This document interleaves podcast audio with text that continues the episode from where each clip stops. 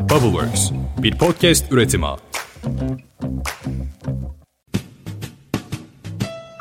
Fly me to the moon. Let me play among the stars. Let me see what spring is like on Jupiter and Mars.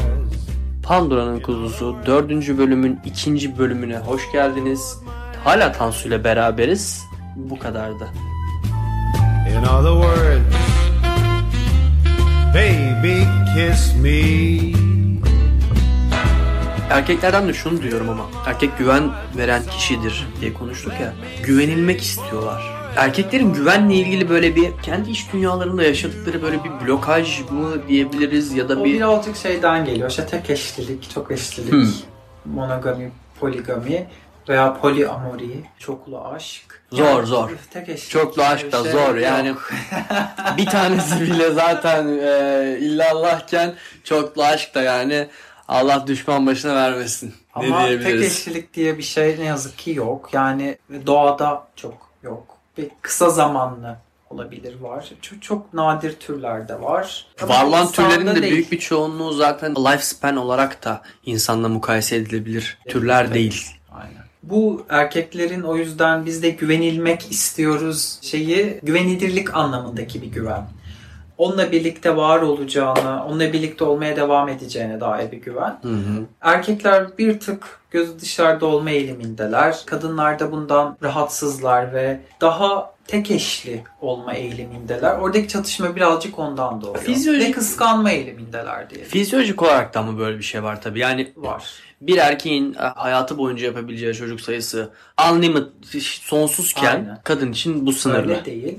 Bu yüzden işte antropologlar kadınlar için kısa süreli tek eşli, erkekler için çok eşli diyorlar. Katılıyorum. Şöyle ki kadın önce çocuğunu doğurmak istediği adamı seçiyor. Zaten kadın seçiyor bunu gösteren bir sürü bilimsel çalışma var. İşte Evet tabii öyle bir şey var. Yani mesela ben yumurtamı kimin spermiyle dölleyeceğim Aynen. Mın seçimini kadın yapıyor. Kesinlikle. Ya zaten Türk kültüründe de mesela bunun bir atasözü var. Bir kadını bilmem kaç erkek ister biri alır. Genelde budur. Kadın bunu seçtikten sonra bir hamilelik süreci var. Sonrasında da çocuğu doğduğunda e, çok savunmasız. Çocuğun böyle birazcık serpilip kendini idame ettirecek hale gelinceye kadar da gereksinimleri var. Çünkü kadın işte onu emzirecek vesaire, bakacak, öz bakımı ile ilgilenecek, altıdır, üstüdür, beslenmesidir. Bu esnada da ekonomik olarak desteklenmeli. Kadının da bir şeyler yemesi gerekiyor. Doy- onun da beslenmeye, doyurulmaya ihtiyacı var. Bu roller erkeğe ait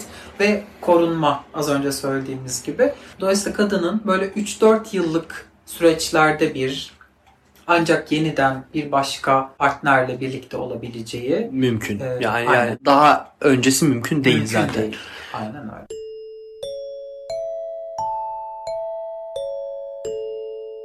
Bu arada özellikle sana sorusu olanlar, sana soru sormak isteyenler sana nereden ulaşabilirler? Onu da paylaşırsan. Yani sosyal medya Tansu Erkan soyadım. Ben sen de söylemiştin. Facebook, Instagram gibi zaten çok fazla şey kullanmıyorum. Hani sosyal medya mecralarından diyelim.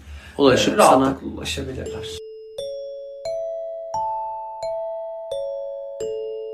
Ben bunun cevabını içselleştirdiğimi düşünüyorum ama bu soruyu sana sormak istiyorum. Neden çocuğa kadın bakıyor?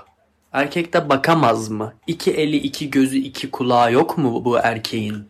Aslında az önce söylediğim gibi oldu. Kadının da beslenmesi lazım.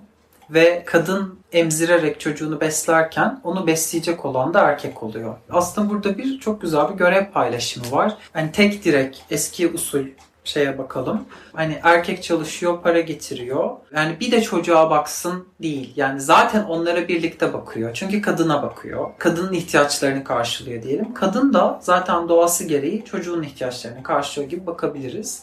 Rol olarak böyle. Birinin dışarı dönük olması lazım. Birinin dışarıyla temas etmesi lazım. Birinin çıkıp çalışması lazım. Anne çocuk arasında böyle bağlılık var. Hatta doğumdan sonraki ilk 3 aya son trimester diyorlar. Hı hı. Biliyorsun. Aslında 12 aylık bir periyot yani. Aynen öyle. Yani e, son çeyreği, son quarter'ı tamamlıyor gibi oluyor. Çocuk daha henüz rahmin dışında olduğunu bile tam olarak farkında değil. Annesinin sürekli ihtiyacı var. Tam bir kucak çocuğu. Ya zaten bu durumda kadın gidemez. İlk 3 ayı geçirdikten sonra emzirmesi gerektiği için uzun süreli bırakamaz ve gene psikolojik olarak da biliyoruz ki çocukluk, bebeklik döneminde yani 0-2 yaşta annesinden uzun süreli ayrı kalan e, kişilerde çeşitli travmatik şeyler, sonuçlar görüyoruz. Patolojiler. görüyoruz. Fizyolojik olarak baktığımızda da bu benim kafamı çok kurcalayan bir konuydu. Uzun süre bununla ilgili araştırmalar yaptım ve merak ettiğim bir konuydu gerçekten bu. Neden bu kadar farklı düşünüyoruz? Tamam fizyolojik olarak bedensel bazı farklılıklarımız var. İşte ilk bunu belki hatırlamıyor olabilirim ama e, kafamda böyle canlandırdığım bir senaryo bu. Yani bir kadın görüp ya bunun niye pipisi yok falan dediğimiz bir olay. Tamam bunu içselleştirdik ama zihinsel olarak da farklı düşünme sistematiklerimiz var. Bu artık hani ayyuka çıkmış bir mevzu. Bunu da çok fazla araştırıp öğrenmek istemiştim. Şöyle de bir şey var. Şimdi kadınlar duygusal anlamda az önce de söylediğimiz gibi daha iyi ifade edebilir, daha iyi anlayabilir, duyguları daha iyi çözümleyebilir durumdalar. Evrimsel olarak da bu böyle geldi. Çünkü kadınlar çocuklara baktıkça daha iyi çocuklara bakabilir hale geldiler. Zihinsel süreçleri de bu anlamda iyileşti. Çünkü sözlü iletişim kuramayan bir canlının ne hissettiğini, ne düşündüğünü anlayabilme becerisi geliştirdiler. Yani aslında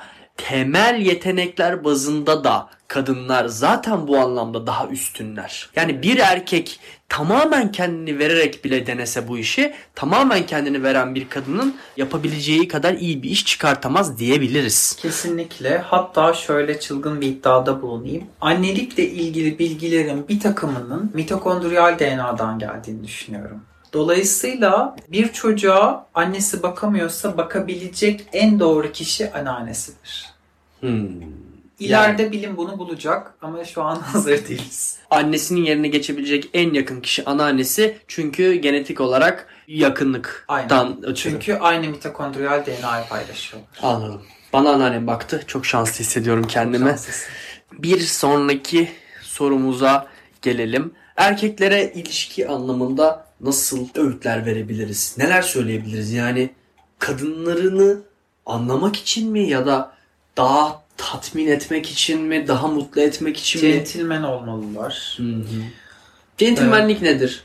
Bir küçük jestler, kapısını tutmak, sandalyesini tutmak, belki suyunu getirmek. Ha bir de şöyle bir şey var. Ben kadın arkadaşlarıma hep bunu tavsiye ediyorum. Diyelim ki birlikte alışverişe çıktınız. Adam sizin çantalarınızı taşımak zorunda. Taşıtın. Yani hayır ben de taşırım benim kolum yok mu demek yerine onu onu taşıtmak aslında hem onu onore ediyor hem de siz o ayrıcalığınızı kullanmış oluyorsunuz. Evet kadınlar da erkeklerden artık hiçbir şey isteyemez hale geldiler. Ben yaparım. Ablacığım yapabileceğinle ilgili benim şüphem Çantamı yok. taşı diyeceksin o da paşa paşa taşıyacak. Ve keyif alacak belki bundan ya. Aynen öyle. Yani Tatmin bu biraz olacak. şey gibi bir tane film Kavanozu vardı. açamadım diyeceğim.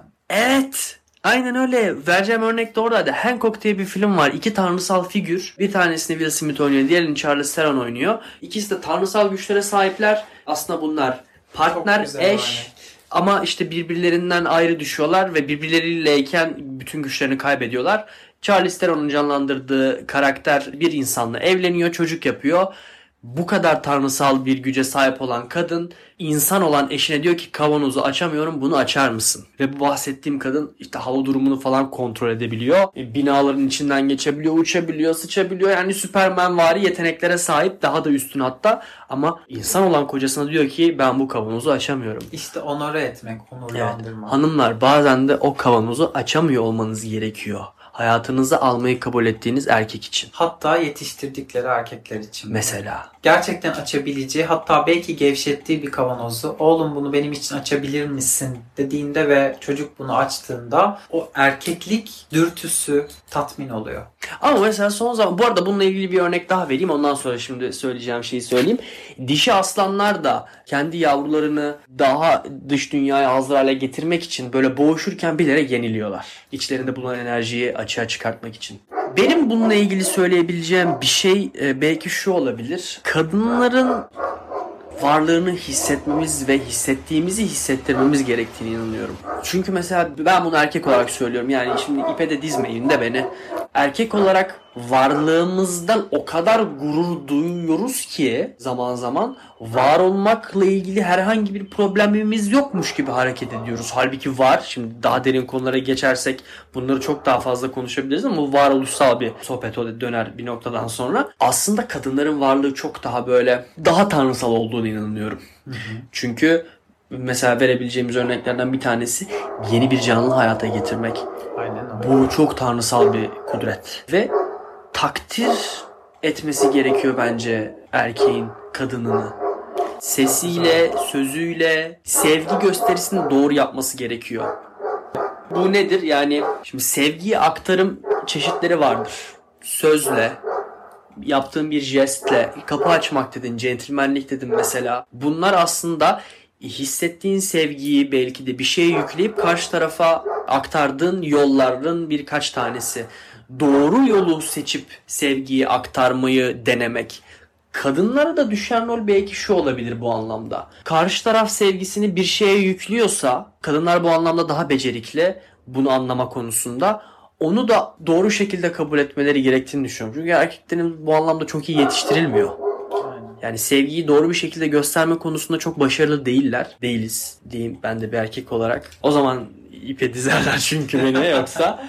O yüzden de birazcık böyle takdir edilmek de istiyor galiba erkekler bu anlamda. Çünkü bir şey deniyorlar. Ulan olmadı mı? Oldu mu? Önemli olan biraz niyet gibi geliyor bana ama hani bunu da çok fazla zaten önemli olan niyet deyip aslında art niyetli davranmak da problem tabii ki. Bir de burada tabii iletişim sorunları da çok var. Sonuçta biz konuşan canlılarız. Hı Hani birbirimizi işte böyle tırmalayarak, itekleyerek, koklayarak falan anlaşmıyoruz. Yani bunun ötesinde bir de gerçekten geliştirdiğimiz harika bir korteksimiz var. Yazıyoruz, okuyoruz, konuşuyoruz. Yeterince iyi iletişim kurmuyoruz.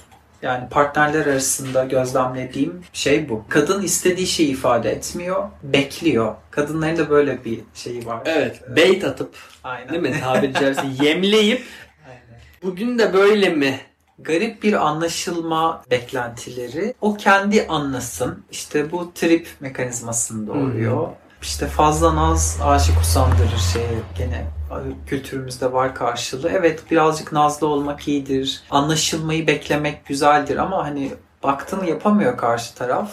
Ya ben senden şunu istiyorum diyebilmek. İşte burada mesela o eril enerjiyi kullanması gerekiyor. Bu yin şimdi bunları böyle bir vektörler gibi düşünürsek tabii ki bir bileşke kuvvet var. Hı hı. Ama vektörlerin de aslında kendi içinde dengeli olması lazım. Yani yin duygular, yin özellikler, kadınsı özellikler ve işte yang duygular, yang özellikler, erkeksi özellikler diye bakarsak kendi içimizde işte anlaşılma beklentimizi dibine kadar yaşayıp orada kocaman bir kadınsı vektör oluşturup ama bir yandan da işte yani gene çok sevilmeyecek bir şey ama çok sözümüz geçsin istiyorsak bu zaten kendi içimizde de Bir dengesizlik oluşturuyor. Aynen öyle. Hangisi? Karşı taraf. Hangisi? İkisine birdense çok zor gibi geldi kulağa. Bilmiyorum ben o noktada şeyi tercih ettim galiba hayatımda. Düşündüm çünkü şu an söylediğini. Bir noktada ben be- de bekledim mesela orada bahsettiğin o yang enerjimin çok arttığı bir dönemde. Anlaşılmak istiyordum. Sonra dedim ki okey o zaman bunun bir diyeti olmalı. Ben bari herkesi anlamaya çalışayım. O zaman çok basit bir matematik. Böyle 20 yaşlarımın başında kurduğum bir matematikti. Ben herkesi anlarsam herhalde herkes de beni anlamaya çaba sarf eder diye düşünüyorum. Çok basit matematikle. Öyle de olmuyor tabii ki öyle değil. E, Ama sonra dedim ki ulan o zaman ben kendimi anlayayım önce de başka kimseden de beni anlamasını beklemek zorunda kalmayayım. Bu çok güzel bir nokta. Galiba kendi içimde daha dengeli olduğum yöne sevk eden düşüncelerden bir tanesiydi benim. %50 %50 demiştik ya. Hı hı. O 50'lerin niteliği de önemli. Yani Biraz açabilir 50'leri misin? oluşturan faktörlerin içerisinde atıyorum yani çok basit bir örnek olsun. 5 tane faktör varsa onların da böyle 10 10 10 10 olması aslında istenen bir şey. Bir karakter özelliğimizin çok baskın olması, bu cinsiyet rolleri de olabilir. E, Az önce konuştuğumuz şeyler. Diğerinin çok geride olması veya iki karşıt gücün birden çok yüksek olması ama işte yani 30-30 ve işte üçer beşer şeyler ama 50-50 gibi gözüküyor. Yalnızca burada dışarıdan dengeli gözüküyor gibi oluyoruz. Yani işte yeterince maskülen bir erkek, yeterince feminen görünen bir kadın ama ilişki yaşamaya çalıştıklarında içerideki o küçük mikro dengesizlikler yüzünden o vektörlerin yani bileşke vektörün ya bileşke kuvvetin şeyine baktığımızda bunlar birbirine uyumlu gözüküyor. Tek bir vektör gibi, tek bir kuvvet gibi ele aldığımızda o harika, perfect match falan gibi gözüküyor. Ama o bileşkeyi oluşturan vektörlere baktığımızda oradaki uyumsuzluk aslında daha Küçük önemli. küçük böyle glitch denilen o problemleri yaratıyor belki de. Hani işte şey derler ya dışı seni içi beni Kesin. Ah, aynen. biraz o o gibi. Son zamanlarda ve dönem ilerledikçe normal doğum yapan kadın böyle kahraman olarak görülmeye başlandı. Eskiden çok rahat bir şekilde işte tarlada orada burada böyle zırt pırt doğuruyordu kadınlar ve bu hayatımızın bir parçasıydı normaldi. Şimdi yani tarlada çalışırken doğurdum dese birisi haberlere çıkar herhalde yani. Öyle bir noktaya geldik. Bunun sebebi ne olabilir? Yani çünkü geçen zaman dilimi fizyolojik bir fark yaratabilecek kadar evrimsel anlamda öyle bir zaman dilimi değil. Yani bundan 50 yıl önce bile tarlada doğum yapan insanlar vardı belki ama şu anda baktığın zaman normal doğum diye hastaneye gidip belirli bir noktadan sonra yapamıyorum ben sezaryana döneceğim diyen kadınlar var. Bu normal doğum metası nedir? Neden bu kadar üstün görülüyor? Kahramanlık olarak bahsediliyor bundan. Değişen şey ne? Kahramanlaştırılmamalı tabii ki yani bir kahramanlık değil ama olması gereken Hı hı. gene hani doğamıza Hı hı. uygun. Çünkü bir sürü söylenebilecek bilimsel şey var işte spiritüel şey var yani aklıma gelen hali hazırda birkaç tanesini söyleyeyim. Normal doğumda çocuğun rahim ağzından çıktıktan sonra işte vajinal kanaldan geçerken oradan aldığı flora çok önemli bebeğin bağırsaklarındaki florayı, mikroflorasını oluşturan iki önemli şey var. Biri kolostrum, annenin ilk verdiği süt. Diğeri de normal doğum yoluyla oradaki o sürüntü şeklinde aldığı şeyler, e, bakteriler diyelim. Onun dışında kafa kemikleri normal doğum esnasında o fontanellerin hareketiyle nasıl diyeyim aslında doğum da bir inisiyasyon gibi Hı. sezaryenle olduğunda kafa kemiklerinde herhangi bir hareketlenme olmuyor. Ama normal doğumda çocuk o şeyden geçerken, pelvisin içinden geçerken orada işte hani 10 santimlik bir yerden geçmek zorunda ve kafası küçülmek zorunda. Bu esnada kafa kemikleri e, fontanellerin üstünde kayıyor. Bu bir yani hayat başlangıcı, bir hayata inisiye olmak gibi bir şey diyebiliriz. Aslında ne kadar anlamlı yani sezaryen yaptığın zaman böyle bir şey es geçmiş oluyorsun. Aslında doğamızda var olan bir şey. Belki de aslında doğduğunun farkında olmuyor. Evet, bir nevi öyle. Bir de şöyle bir şey oluyor. Eğer anne anestezi altındaysa, yani uyutulduğu bir anestezi çeşidi altındaysa aslında çok travmatik bir şeye dönüşüyor. Çünkü şöyle bakalım, bambaşka bir yerden ifade edeyim. Karnı deşilip içinden çocuğu çalınmış gibi oluyor. Hmm. Nasıl duyuluyor? Evet biraz travmatik, dramatik, dehşet verici hatta. Ya tabii organik de olmayan bir süreç. O yüzden tıbbi bir gereklilik yoksa hani mutlaka diyorum. Yani bir sürü de tabii ki bunun e, bilimsel şeyi var. Şimdi annenin işte şeyinden, vajinasından ve anüs civarından sürüntü alıp çocuklara ekim yapar gibi hani o sürüntüyü şey yapıyorlar ki O bahsi geçen aynen mukozasına probiyotik şeyleri alabilsin diye. aslında doğal yollardan yapılabilen bir şeyi ve sürekli her şeyi sentetikleştiriyoruz aslında süreçleri. Var olan sistemde devam edilse belki de aslında zaten sürecin bir parçası olacak şeyler. Biz müdahale ederek sonradan bunu yapıyoruz. Garip. Konu, konu gerçeği var. Hani aklıma gelen bir sürü şey var. Ama işte bu kafa kemiklerinin kayması bilimde çok önemli bir yeri yok ama bir inisiyasyon gibi diyebiliriz. Ve mesela kafa kemiklerinin önemini işte osteopatlar falan çok iyi bilir. Hı hı. Sen de biliyorsun. Ve dediğim gibi o e, mikroflora gelişiminde çok önemli bir yeri var normal doğumun. Zaten hani dilimize yerleşmiş normal doğum diyoruz. Kimse vajinal doğum demiyor. Evet. Normali o. Normali değil mi? Yani doğru. Ben onu düşündüm bunu sorarken. Acaba bunu söylemek doğru mu? Normal doğum. Normali ne? Normal denilen kelime birazcık beni böyle böyle sırt tüylerimi ürpertiyor. Çünkü böyle biraz rahatsız ediyor beni. Yani normal neye göre? Değil mi? Yani bir belirlenmiş bir normal var mı? Yok ki öyle bir şey değil mi? Çünkü. Ya bu buradan çok farklı bir yere gireriz ya. Hani bu şu an kendi içsel dünyamda yaşadığım bir çatışmayı ben aslında dışa vurumlu yansıtmış oldum. Yani anne içinde çocuk içinde çok travmatik ve eksik. Hah, doğru kelime. Eksik. Eksik bir süreç. Şey örneğini verebilir miyiz mesela ilişkilerde? Kadın İç İşleri Bakanı, erkek Dışişleri Bakanı gibi bir şey söylenir. Çok güzel. Yerinde bir örnek midir bu? Bence öyle. Dedik ya birinin dışarıdaki işlerle ilgilenmesi lazım. Birinin içerideki. E kadın emzirecek, çocuğun işte altını alacak, ondan sonra onu yedirecek, doyuracak, uyutacak. Uyandığında yanında birinin olması lazım. E birinin de dışarıdaki işleri halletmesi lazım. Hani çocuklu bir aile düşündüğümüzde zaten direkt ortaya çıkıyor. Yapıda aslında taşlar tık tık tık yerine oturuyor bu anlamda. Aynen öyle. Şeyi çok anlayamıyorum. Mesela anlayamıyorum değil tabii ki hani bazı sebepleri var. Aşikar bazı sebepleri var. Ama mesela feminizmin böyle yıllar geçtikçe daha böyle katılaşması, daha radikalleşmesi bununla ilgili var mı bir yorumun? Yani cinsiyet eşitliğinden yola çıkarak Vurgulanarak. vurgulanarak bir şeylerden bahsediliyor ama çok radikal şeyler yapılıyor. Yani işte gidip de katedrallerde üstünü çıkartıp çırılçıplak okey tamam you made your point yani tamam bir şey söylemeye çalışıyorsun ve dikkat çektin. Peki ama dava savunmak böyle bir şey midir? Yani hani o eylemler için söylenecek çok fazla bir şey yok. Hani benim nezdimde ama şunu söyleyebilirim. Dünya bir yandan da şunu artık keşfetmeye başladı. Eşitlikten ziyade Denklik bana daha doğru bir kavram gibi geliyor. denklik ve adalet. Yaratılışlarına göre, kendi doğalarına göre daha adaletli yaklaştığımızda cinsiyetlere ortaya müthiş bir şey çıkıyor. Yani erkek androjen deposu, işte testosteronu var, savaşmak için uygun, daha güçlü. O zaman taşısın konuştuğumuz gibi. Hı.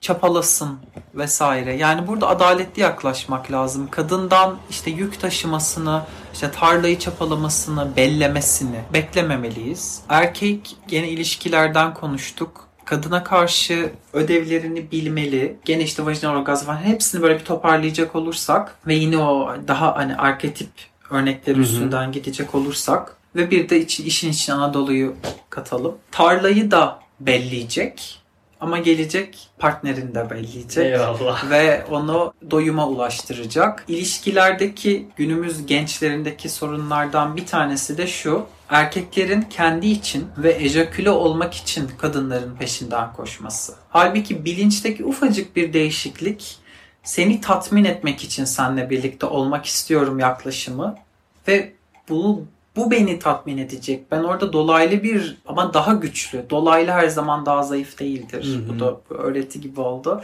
Dolaylı ve daha güçlü bir tatmine ulaşacağım. Aslında belki Lütfen beni mercek kabul gibi et. yani yoğunlaştıran bir dolaylı dediğimiz Aynen. şeyde lütfen beni kabul et dedin değil mi? Yani çünkü erkeğin aslında bu bir kabul kabul beklenmesi gerekiyor. Tabii yani. e, her zaman kadın karar verir. Dedik ya eş seçiminde vesairede her yerde yani şey dansa kaldırmak E istersin. mesela evet değil mi? Kadın evet ya da hayır der. Evet. Hep böyledir. Erkek daha dışa dönüktür.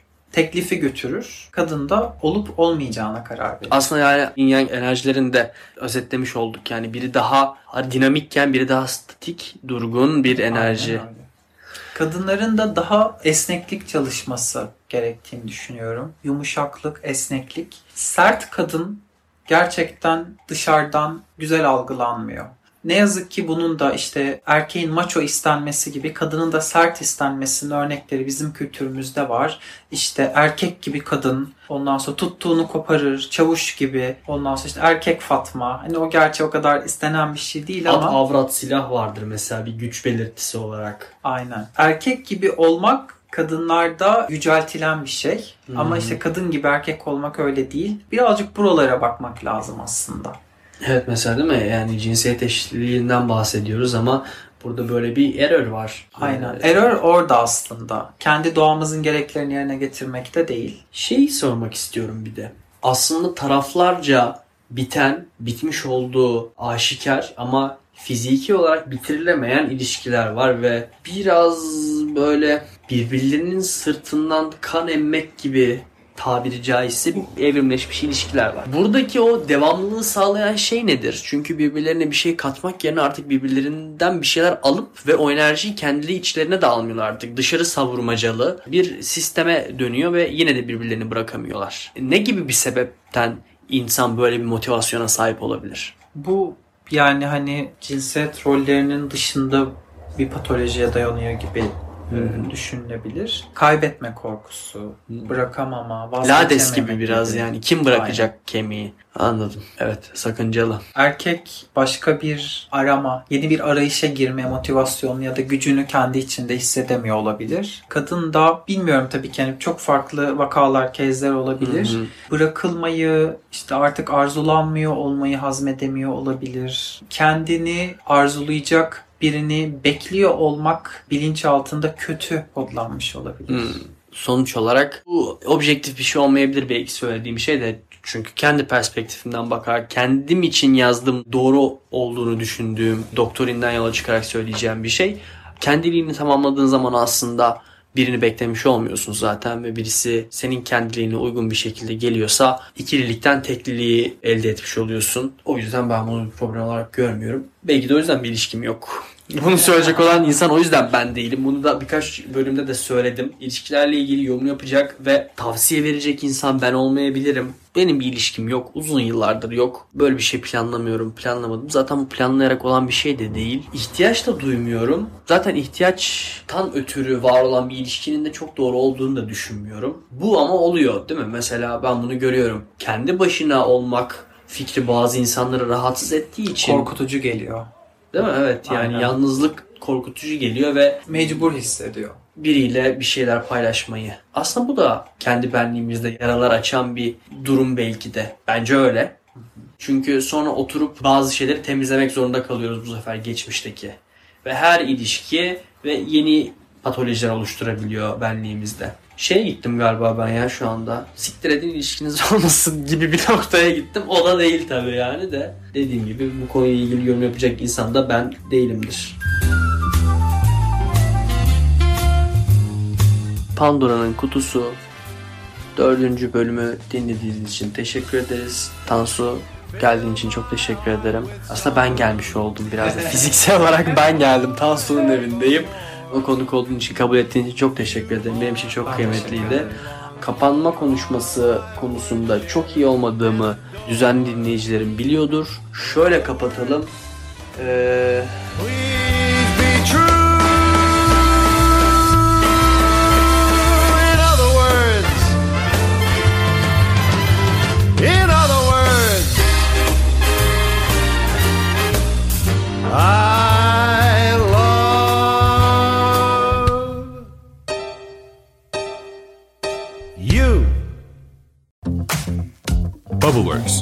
podcast üretimi.